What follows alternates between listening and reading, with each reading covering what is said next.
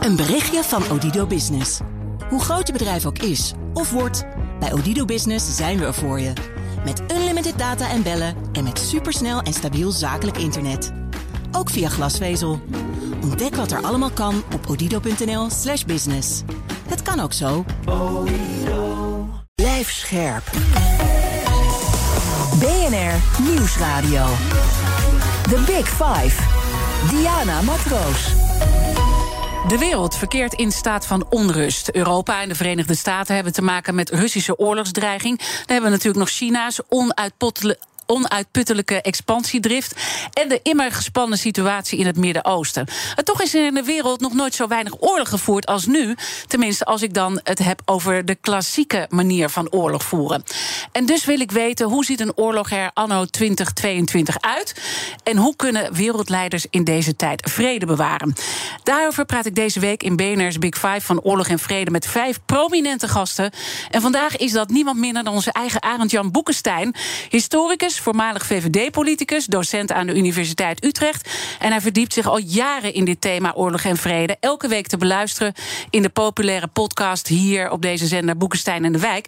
Arend Jan, super dat je er bent. Dat je ook even tijd hebt om uh, met mij hierover uh, over te praten. Dank voor deze uitnodiging. En voordat ik het met je ga hebben over Oekraïne, want dat is natuurlijk heel verleidelijk om meteen in te stappen, wil ik uh, twee dingen van je weten. En het eerste is: wat fascineert jou nou zo aan dat thema oorlog en vrede? Ja, het, is eigenlijk al heel lang zo. Het is macht. Ik ben geïnteresseerd in macht. Niet omdat ik nou zelf zo'n machtswellusteling ben. Maar ik, ik zie dus dat mensen angstig zijn en daardoor graag meer macht willen hebben als de enige manier om hun, om hun angst te reduceren. En je ziet dat er ontstaat een schaakspel. Hè? En van dat schaakspel, daar moet ik je toch wel van opbiechten dat ik daarvan kan genieten.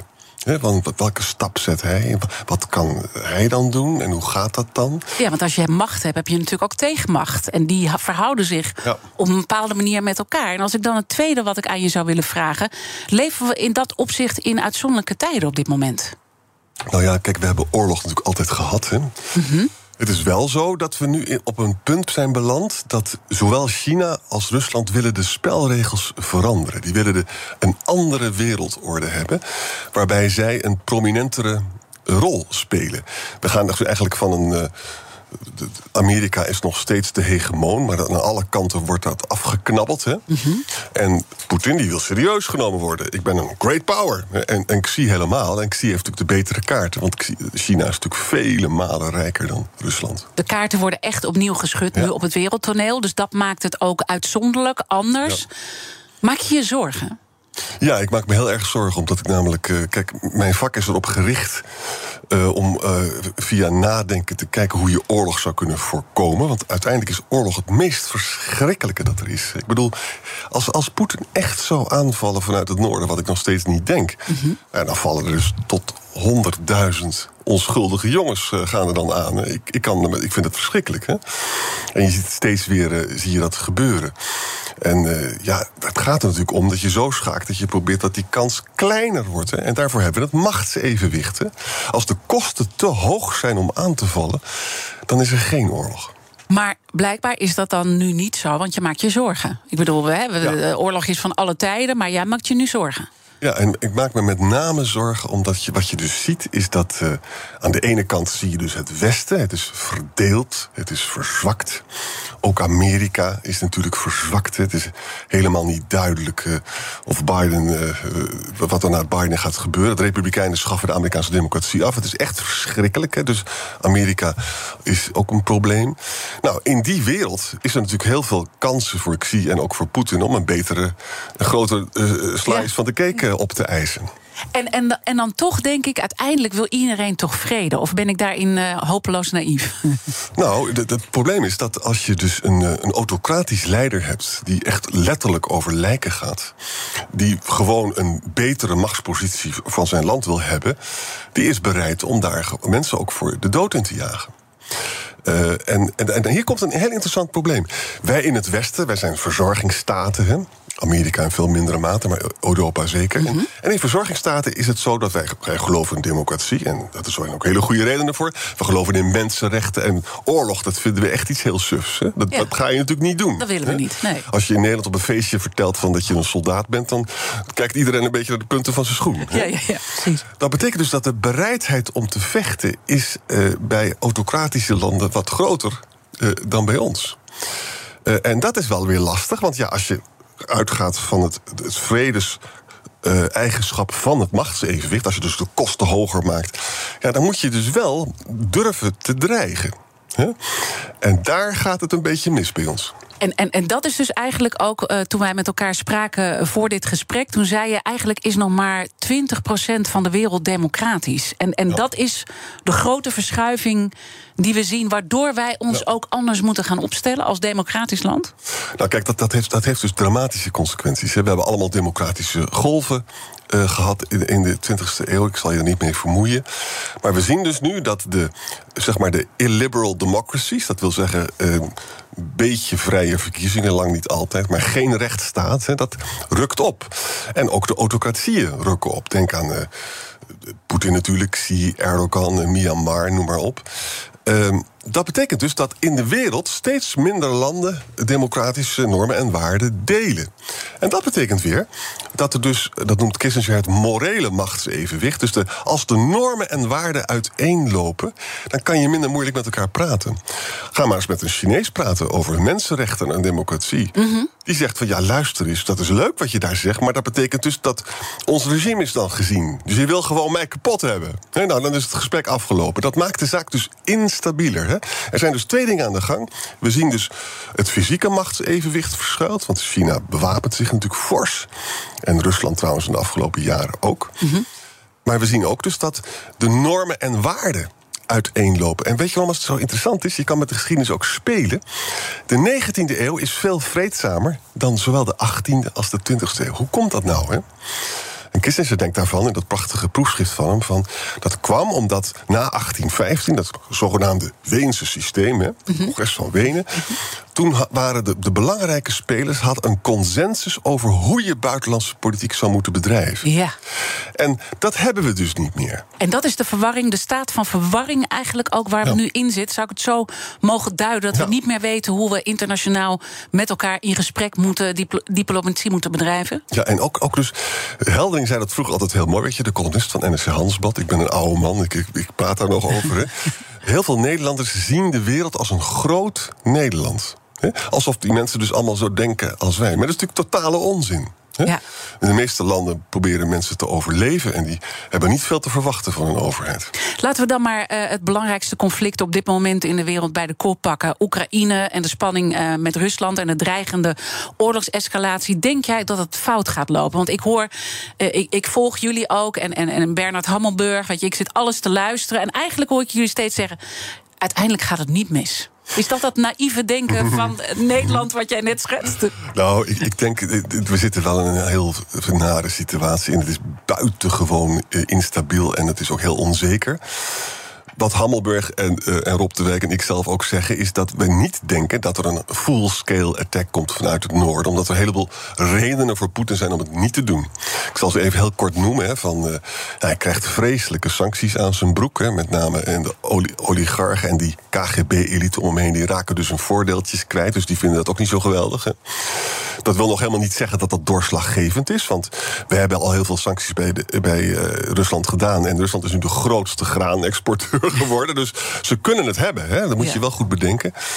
Nou, het tweede is, uh, de Russische bevolking heeft niet zoveel zin in een oorlog. En dat is wel een belangrijk argument. Hè? Dat weten we uit Pols.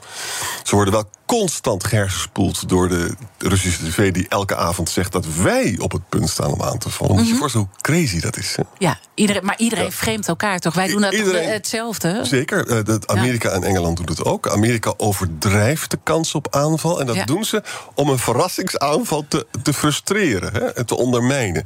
En Engeland heeft die koepoging in de Oekraïne... waarvan we helemaal niet zeker weten of dat echt waar is... Hè, of, dat, of het echt immanent zou zijn... Hè, heeft, hebben ze ook een beetje overdreven. Misschien wel omdat Boris Johnson als kat in het nauw zit, intern. Hè? Ja, dus eigenlijk uh, zeg je van we weten het niet.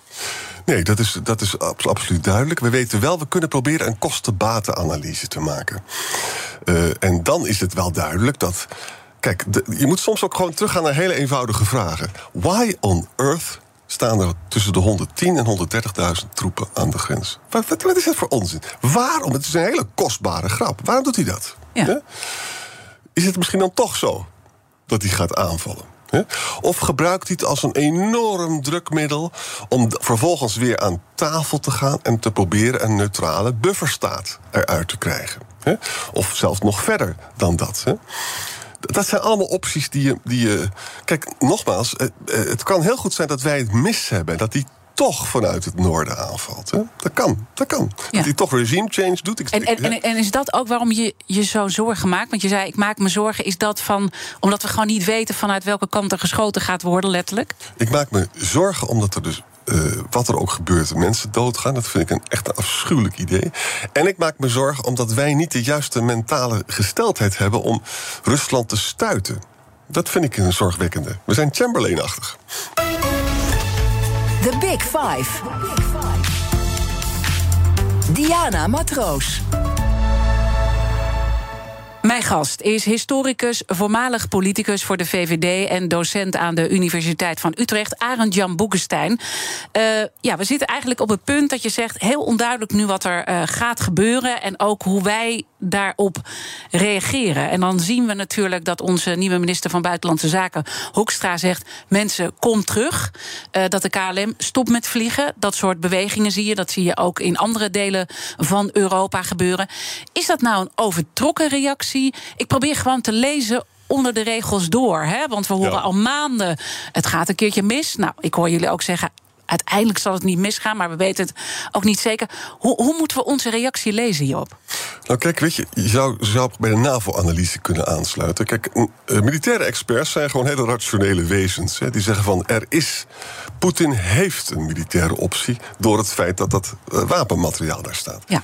En hij zegt ook van ze kunnen nog, ze hebben nu 70% om het te doen. Hè, en ze kunnen in een paar dagen tijd via airlift kunnen ze veel meer soldaten. Dus met andere woorden, als die militaire optie er bestaat, dan is het verstandig om daar dus ook op te ageren. En daarom wordt er nu gezegd van uh, haal je mensen er weg.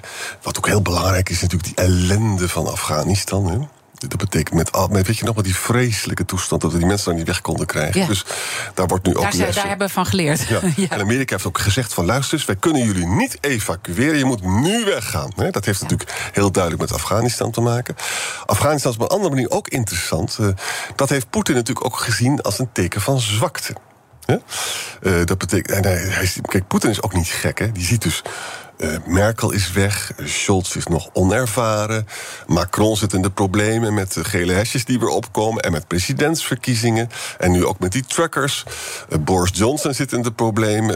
het gaat in Amerika helemaal niet goed. Dit is het moment om te acteren. Ja, en hetzelfde geldt voor Xi in Taiwan natuurlijk. Xi zit nu heel erg te kijken. En, en het is, wat interessant is, is dat wij hebben dus door ons uh, expansiebeleid van de NAVO... daar kunnen we het ook nog over hebben... want we moeten de Russische ziel ook goed begrijpen. Die voelen zich natuurlijk omsingeld. Hè? Ja. Hebben we nu uh, Rusland in het Chinese kamp geduwd. Wat natuurlijk helemaal niet zo handig is vanuit machtspolitiek perspectief. Uh, en, en jij zegt een terechte uh, opmerking maak je van we moeten dat Oekraïne uh, beter begrijpen ook waarover dat gaat. Ja. Want we noemen Rusland, Oekraïne, maar eigenlijk gaat het dus over de NAVO. Als je helemaal uh, goed gaat kijken hoe dat conflict in elkaar zit. En eigenlijk als je dan helemaal teruggaat in de geschiedenis, heeft Poetin niet ook gewoon een punt dat wij gewoon zijn gaan afwijken van afspraken die we na de Koude Oorlog hebben gemaakt rondom de NAVO, namelijk niet uitbreiden. Nou, ik, ik, ik vind dat, dat laat dat maar eens behandelen, want ik vind dat er wel veel in zit, ja. En, en, kijk, wat zijn de feiten? Weet je nog dat Bolkestein jaren geleden, 30, 20, 30 jaar geleden, zei van ja, die NAVO-uitbreiding, dat vind ik eigenlijk onlogisch, want niemand wil sterven voor Gdańsk, zei die, weet je wel. Dus, ja. En dat was natuurlijk een zinvolle opmerking. Hè? Vervolgens uh, is het allemaal wel gebeurd. Uh, kijk, we hadden natuurlijk ook kunnen afspreken, we maken bufferstaten tussen de NAVO en het, en het, de USSR dat in elkaar gestort is. Dan had dit misschien niet plaatsgevonden.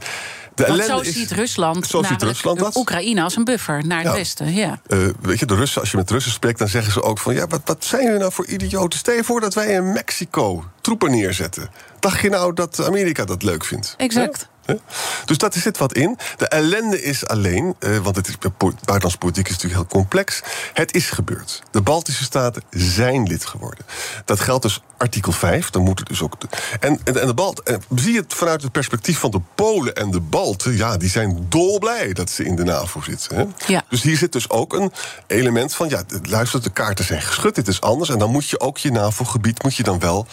Eh, beveiligen. Maar, maar we hebben toch ergens op onszelf afgeroepen door dit ooit zo eh, te doen. Want die afspraken zijn echt in heel goed. En er zijn allemaal verdragen zijn er toen gemaakt. Ja, Eh, maar, maar, maar die, ook, ook hier de nuance. 2008, Boekarest hef- hebben wij dus de grote fout gemaakt. We weten nog steeds niet waarom Merkel dat goed heeft gevonden... maar die heeft later ook direct teruggezwommen. Oké, Georgië en Oekraïne kunnen op termijn lid worden. Mhm. Direct daarna hebben zowel Sarkozy als Merkel gezegd... ja, maar dat kan niet. Dus met andere woorden, bedenk wel even dat dus de, de Russische claim nu dat Oekraïne lid van de NAVO zou worden op korte termijn is onzin. Het is wel zo dat we dat heel onhandig hebben gedaan en dat er suggesties zijn gewekt en Boekarest zelfs op papier is gekomen en dat kunnen de Russen natuurlijk aangrijpen. Iedereen die de wereld kent. eh, Weet natuurlijk dat Oekraïne geen lid van de NAVO gaat worden. Want ja, dat is dan natuurlijk. Dat, dan hebben we een derde wereldoorlog Dus binnen. het de wordt ook weer als een soort kaart gebruikt, als een soort frame, of hoe je het eh, wil noemen, exact. om, om, om dit allemaal eh, ter discussie eh, Ja. te stellen. En ons ook bepaalde dingen te laten geloven. Maar waar is Poetin dan wel op uit? Wat is zijn grote verhaal? We kunnen moeilijk inschatten exact, maar we kunnen ook wel naar de historie kijken om toch wel wat te achterhalen waar hij op uit is. Een aantal dingen. Hij heeft een heel groot essay geschreven, wat op de website van het Kremlin is gepubliceerd, over de Oekraïne. En dan praat hij natuurlijk over de geschiedenis. Eh, en, en de opmerking die hij dan maakt is: Oekraïne is eigenlijk geen staat. Dat zei hij ook tegen Bush trouwens eh, in 2008. Hè. Ehm, hij. Het, het, het eerste Russische Rijk was een zogenaamd Kiev-Russisch Rijk van de 19e eeuw. Eh, voor de Russische ziel is het dus ook zo: de sleutels van Kiev, dat is Rusland. Hè? Dan moet je wel even heel goed bedenken dat in de geschiedenis daarna Oekraïne en Rusland heel vaak gescheiden zijn. Vaker gescheiden zijn geweest dan één. Hè? Dus hij overspeelt zijn, eh, zijn punt. Maar goed, voor de Russen is, dat, is het heilig. Nou, verder is het zo dat Stalin heeft natuurlijk in Oekraïne afschuwelijk huis gehouden met die Holodomor, een genocide. hè. Eh, en de nazi's trouwens ook. Het is een, eh, Oekraïne is een van de meest tragische plekken op deze aarde. Hè.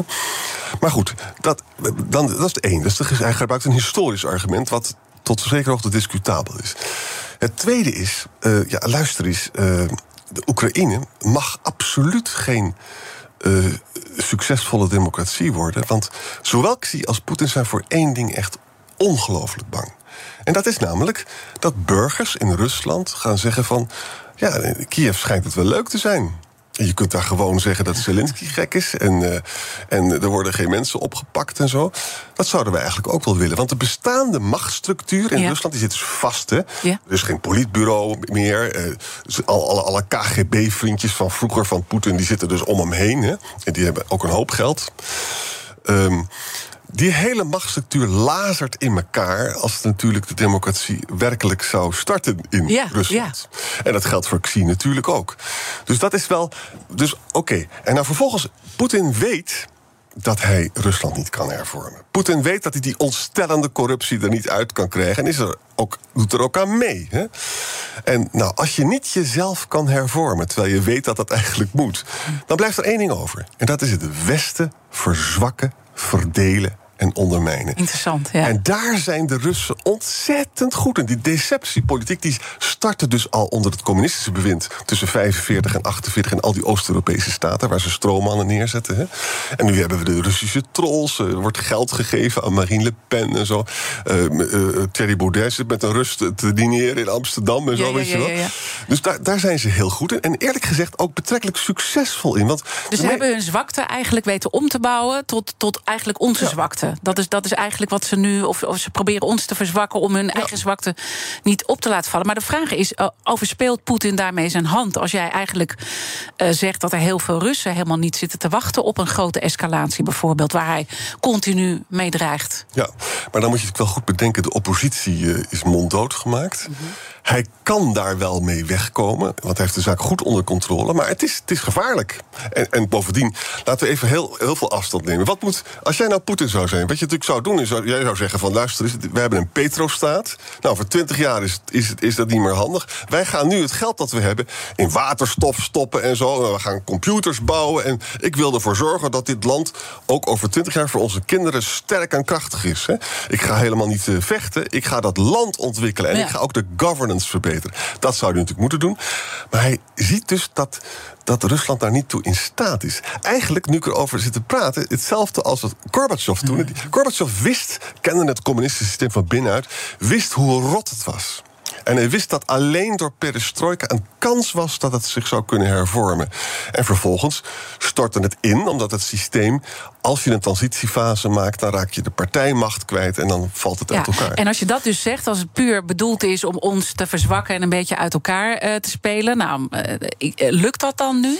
Weet je, als je aan Duitsers vraagt, dat weten we ook, hè, van zijn jullie bereid uh, om de Baltische Staten militair te steunen als ze worden aangevallen. Dat is nog een vrij heldere vraag. Ja. Dat is gewoon artikel 5 NAVO. Dan zeggen de meeste Duitsers dat ze daar niet toe bereid zijn. Of althans, neem 40% zegt dat ze daar niet toe Ja, ze zijn heel terughoudend ja. überhaupt in dit conflict. Dus als je, ja. met, als je met Duitsers praat, dan, dan, dan, klinkt altijd de holocaust door. Dan klinkt door de nazi-excessen in de Oekraïne. Er klinkt ook de grote culturele verwantschap uh, van de Duitse denkers... en ook de Russische denkers door. Heel Duitsland zit vol Poetin-versteers. En dat is zeer begrijpelijk, maar dat is ook een probleem. En wat ook misschien een probleem is, is de rol die Frankrijk daarin speelt. Maar laten we daar zo meteen over verder praten. En natuurlijk het grote China, want uh, je noemde het al even. En die is ook heel erg belangrijk om te begrijpen hoe de Russen en de Chinezen nu met elkaar optrekken. Ik praat met uh, historicus en voormalig politicus Arend Jan Boekenstein over oorlog en vrede. Blijf luisteren. Een berichtje van Odido Business. Hoe groot je bedrijf ook is of wordt, bij Odido Business zijn we er voor je. Met unlimited data en bellen en met supersnel en stabiel zakelijk internet. Ook via glasvezel. Ontdek wat er allemaal kan op odido.nl/slash business. Het kan ook zo. Blijf scherp. BNR Nieuwsradio. The Big Five. Diana Matroos. Welkom bij Tweede Half Uur. Deze week praat ik met vijf kopstukken uit de wereld van oorlog en vrede. Morgen is bij mij te gast Irak-gezant Janine Hennis. Ik praat dan met haar over haar werk voor de Verenigde Naties. Mijn gast vandaag is Arend Jan Boekenstein, historicus, voormalig politicus en docent op de Universiteit Utrecht.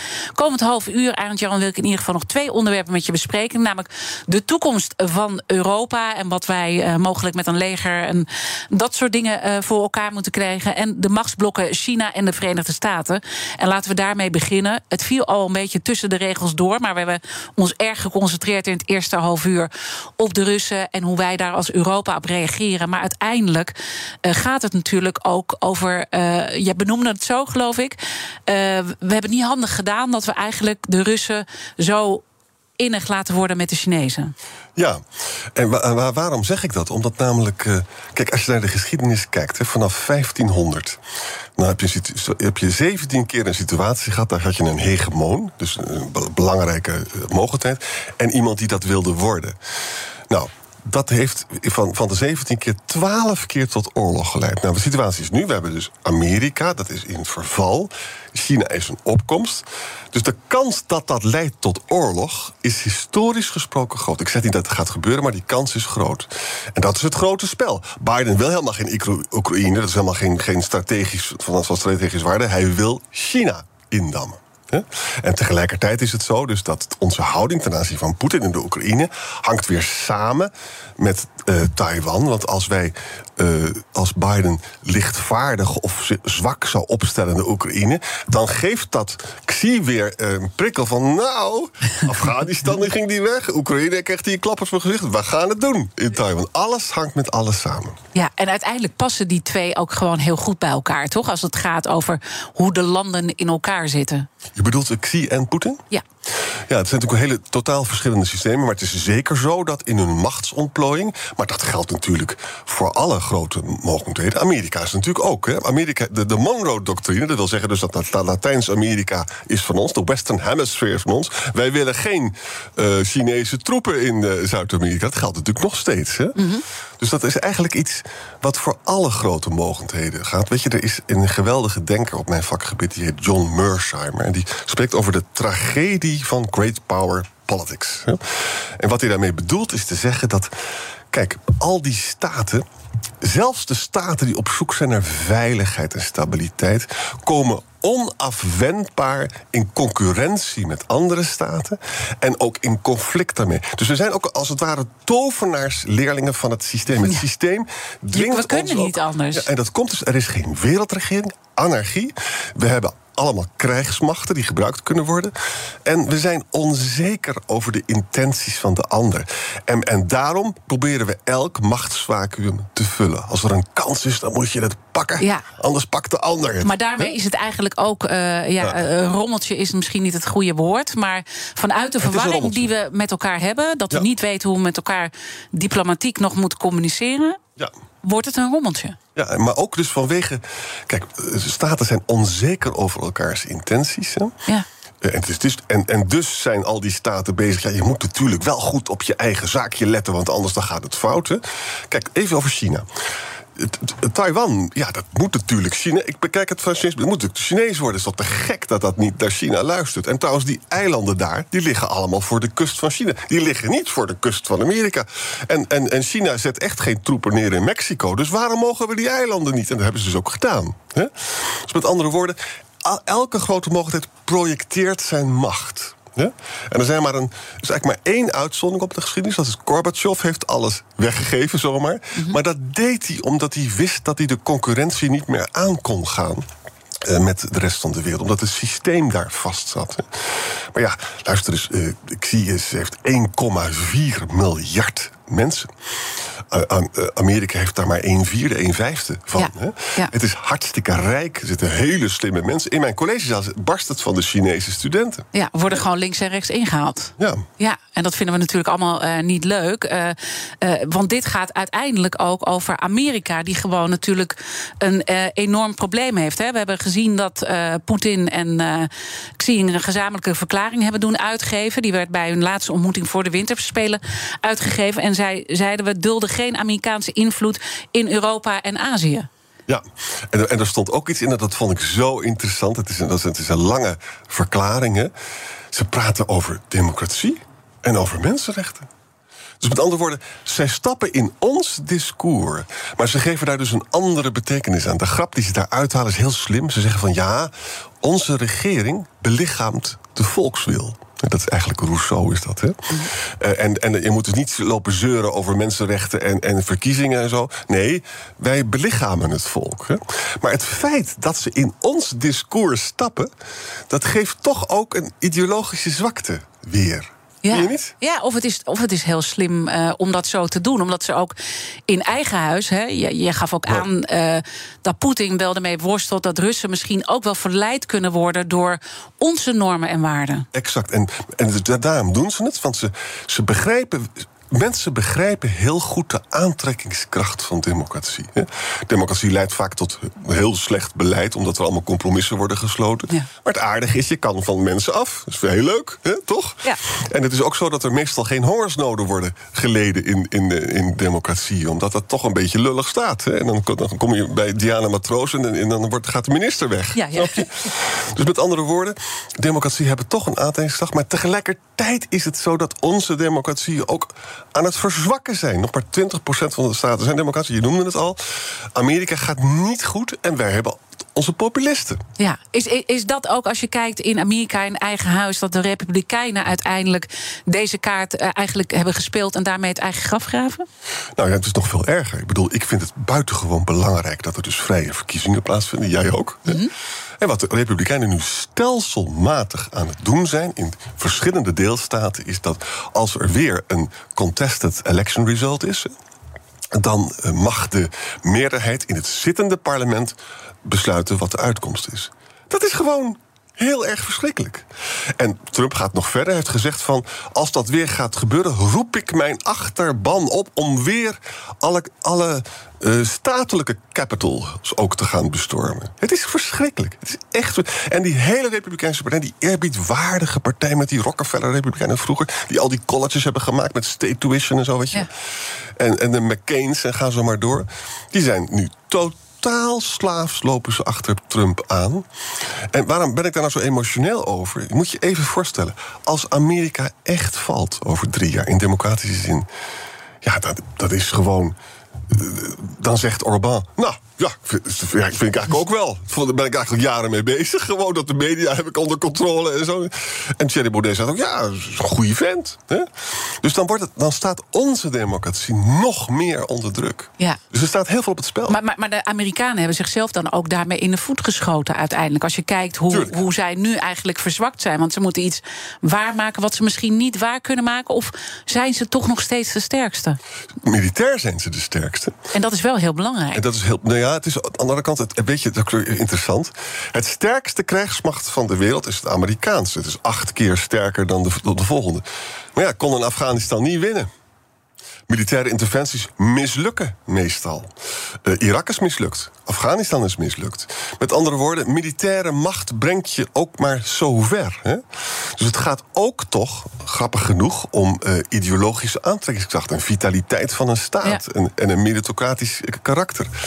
En daar zien we nu, en dat vind ik dat mijn hart bloedt als ik over Amerika nadenk. Want het is toch onvoorstelbaar dat die city on the hill, weet je, dat is God-given country. Wij doen het anders. Wij hebben geen aristocraten, wij hebben geen koningen.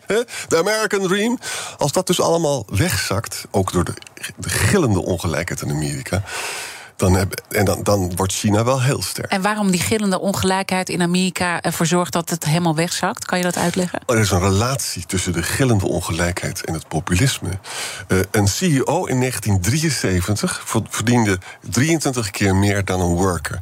Nu is dat 273 keer.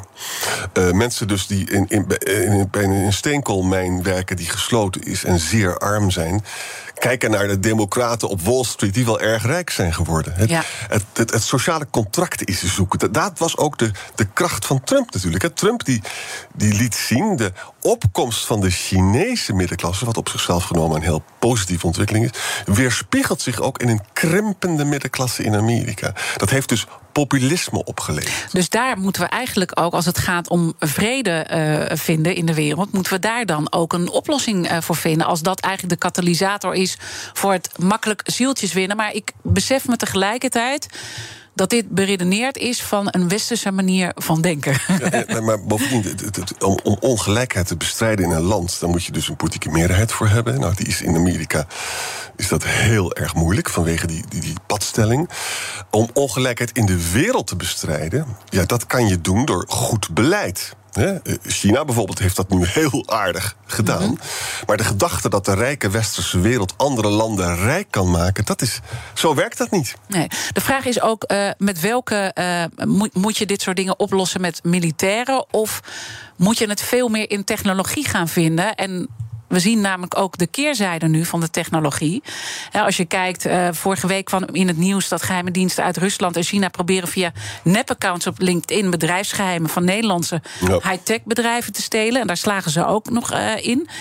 Is dat niet ook een heel belangrijk thema binnen dat thema oorlog en vrede? Zeker. Uh, het geldt voor het hele internet, cyber, ga zo maar door. En met name ook wat eronder ligt is... kijk, wie gaat de volgende industriële revolutie winnen. Hè? En dan gaat het om artificial intelligence. Ja. Nou, China heeft dus, kijk naar het lijstje, geen privacywetten. Dat hebben ze daar niet. Ongelooflijk veel data vanwege die One Belt, One Road. Uh, G5, G6. Groot, heel veel geld. Als China dat gaat winnen, dan zakken wij dus nog verder weg. Want namelijk artificial leidt ook dus tot allerlei eh, spionage en ga zo maar door. Ja, we praten zo meteen uh, verder. Dan praat ik verder met historicus, voormalig politicus en docent op de Universiteit Utrecht, Arend Jan Boekenstein. En dan gaan we ook uh, kijken, nou ja, wat voor stappen we nou moeten zetten militair uh, richting een Europees uh, leger mogelijk. Maar eerst eventjes naar Iwan Verrips, want zometeen heb je weer het prachtige programma BNR breekt om 11 uur. En ik ben heel benieuwd wat je vandaag weer gaat doen. We gaan het hebben over die oproep van Jesse Klaver dit weekend. En die werd ook onderstreept door Rutte en Hoekstra. Kaag deed een soort gelijke oproep. Ga lokaal niet besturen met de PVV en Forum. Daar kwamen zij mee. Klaver die wil een uh, democratische grens trekken... en een Nederlandse variant van de kapitoolbestorming voorkomen.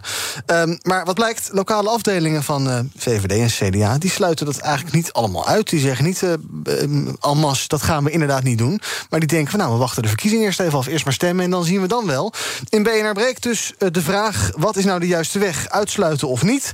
Ons breekijzer is daarom... Den Haag moet zich niet bemoeien met lokale samenwerking... met Forum en de PVV. Ik ben heel benieuwd hoe onze luisteraars erover denken. Of die denken dat uh, samenwerken prima kan in de gemeenteraad of in de coalitie. Of ja, toch maar beter niet. Die partijen zijn een gevaar voor de democratie. Want dat zeggen eigenlijk uh, Klaver en Kaag. En uh, die moet je bij voorbaat al weren uit het bestuur.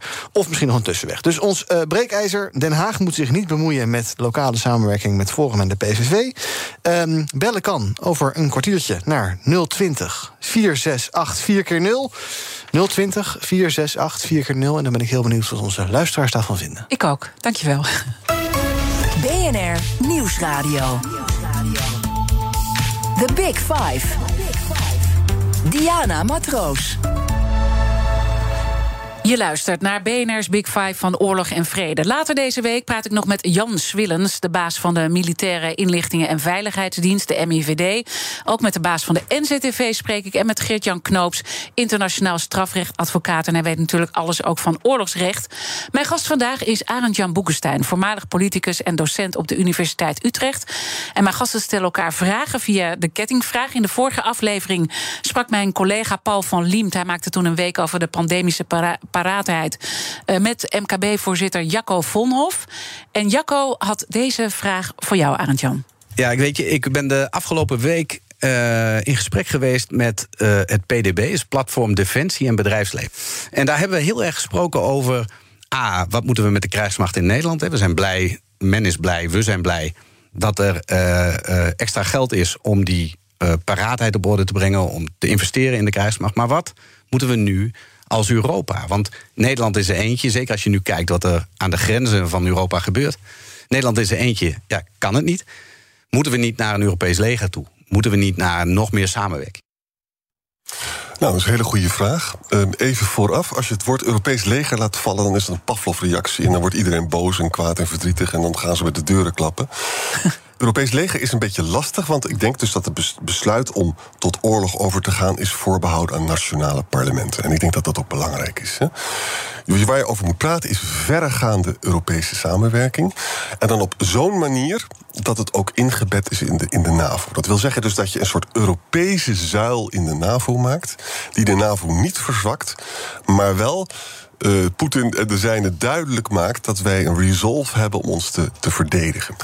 Verder moeten we gaan. Onze hele defensieindustrie is een uitzondering op de gemeenschappelijke markt. Moet je je voorstellen, het is één grote protectionistische band. Ik heb ooit eens een lezing gegeven voor de. Je schikt enorm wat voor, wat voor een ingeslapen club dat is, omdat die geen concurrentie gewend zijn. Hè?